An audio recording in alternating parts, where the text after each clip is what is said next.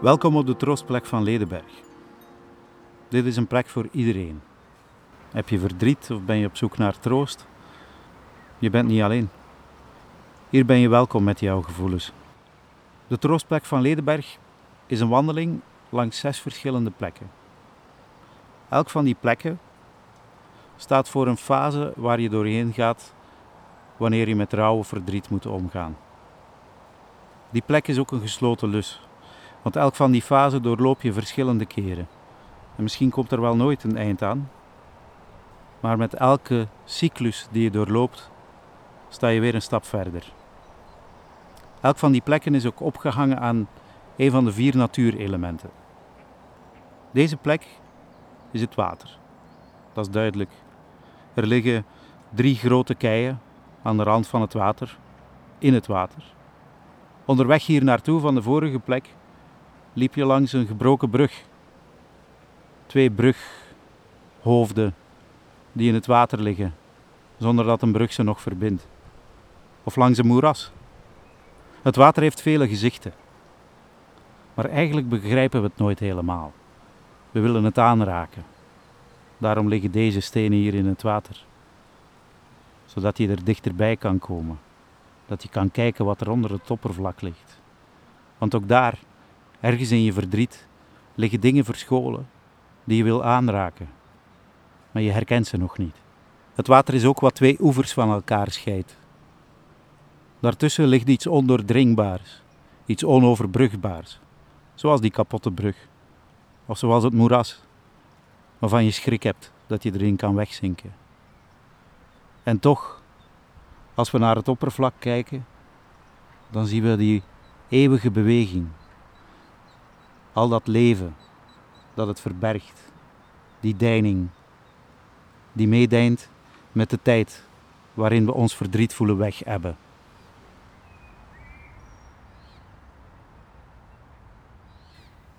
Um, mijn verhaal begint in 1973. Ik ben dan drie jaar en als klein kind weet je niet wat er gebeurt als iemand sterft. Dan besef je ook niet dat de dood voor altijd is. Het is zaterdagmorgen, ik word wakker, ik klim uit mijn bed en ik huppel naar de slaapkamer van mijn ouders. Ik kruip tussen mama en papa in bed Beetje bij beetje duw ik mijn mama uit bed en ik zeg haar dat zij moet opstaan om voor papa koffie te maken. En ik bleef nog een beetje bij papa in bed liggen. Dat was blijkbaar een ritueel elke zaterdagmorgen. Maandag 2 april 1973. Papa vertrekt naar zijn werk. Mijn papa rijdt met een grote camion. Mijn broers en mijn zus waren naar school en ik was alleen thuis met mama. Opeens wordt er aan de deur gebeld en er komt een meneer binnen die met mama wil praten. En ik snapte het niet. Mama was opeens verdrietig. Ze pakt mijn hand vast en steekt met mij de straat over. Ik mocht een nachtje logeren bij de overburen. Dat vond ik leuk, want ik kreeg daar altijd heel veel snoepjes. En eindelijk was het terug zaterdagmorgen. Ik word wakker.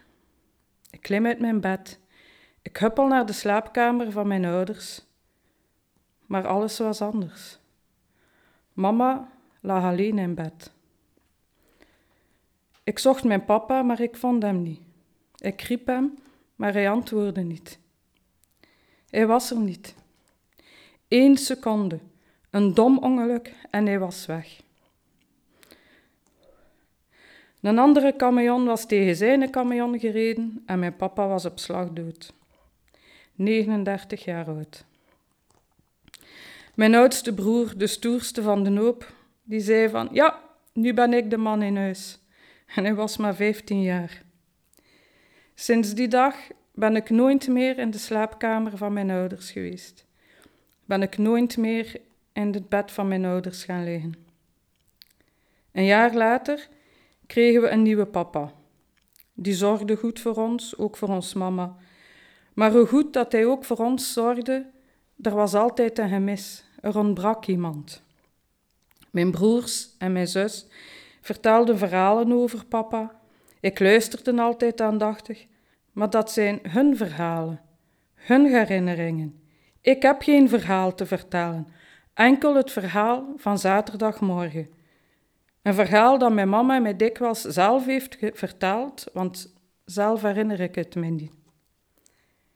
Ik heb geen herinneringen aan mijn papa, ik was te klein. De eerste herinnering die ik heb, is het moment dat mijn mama mijn hand vastneemt en met mij de straat oversteekt om bij de overburen te gaan. En dan vraag ik mij af waarom dat moment wel, waarom geen dag eerder, dan had ik wel herinneringen aan mijn papa. Het, voor mij is dat heel moeilijk dat ik geen herinneringen heb aan mijn papa. En jaren later besefte ik dat 2 april 1973 niet enkel de sterfdatum was van mijn papa, maar ook de dag dat mijn leven overhoop gehaald is. Ik werd overbezorgd. Ik ben in paniek als er iemand vijf minuten later thuis komt dan normaal. En ik heb altijd schrik als er iemand vertrekt, dan die niet meer gaan terugkomen.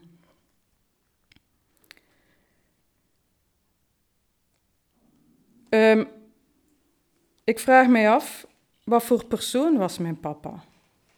Wat waren zijn interesses? Hoe klonk zijn stem? Wat kleur van ogen had hij? Ik weet dat allemaal niet. En dat knaagt. Soms zegt mijn broer als ik met iets bezig ben van hij hebt de handelingen van ons pa. Ja, dat kan wel zijn.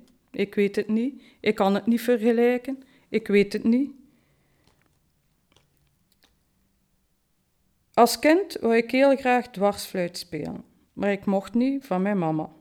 Toen begreep ik het niet en ik was kwaad. Later, als ik ouder was, besefte ik wel dat dat eigenlijk voor mijn mama financieel niet mogelijk was. Want ja, op je 33 weduwe worden en achterblijven met vijf kinderen is niet simpel. Ik was ook niet echt een student. De lagere school viel nog mee, de middelbare school, dat was iets anders. Ik had geen zin om lang te zitten studeren en mijn mama trok haar van mijn studies niet veel aan.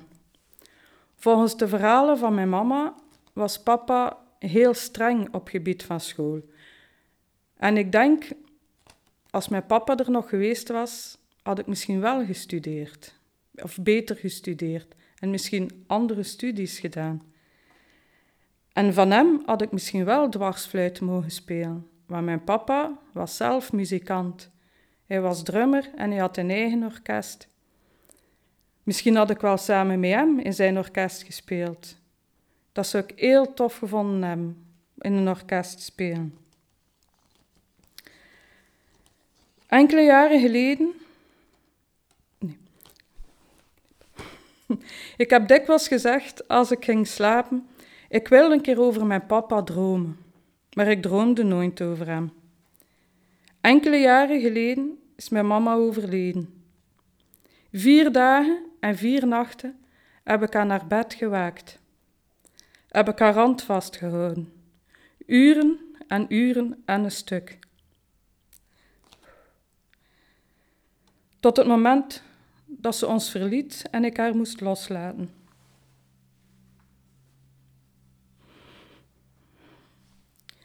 Ik was ontroostbaar. Ik huilde heel veel. En op een nacht droom ik over een man die mijn knuffel kwam geven. Een man in een bijze regenjas. Als ik wakker werd, besefte ik pas dat die man mijn papa was. Ik telefoneerde naar mijn oudste broer en vroeg of papa een bijze regenjas had. En mijn broer antwoordde ja, papa had een bijze regenjas. En hij zei, er bestaat daar zelfs een foto van. Ik ben gaan zoeken in een oude fotoalbum van mijn mama En inderdaad, ik vond daar een foto van mijn papa met een beige regenjas. En ik was verdrietig en blij tegelijk. Verdrietig door het overlijden van mijn mama en blij, want eindelijk had ik mijn herinnering van mijn papa.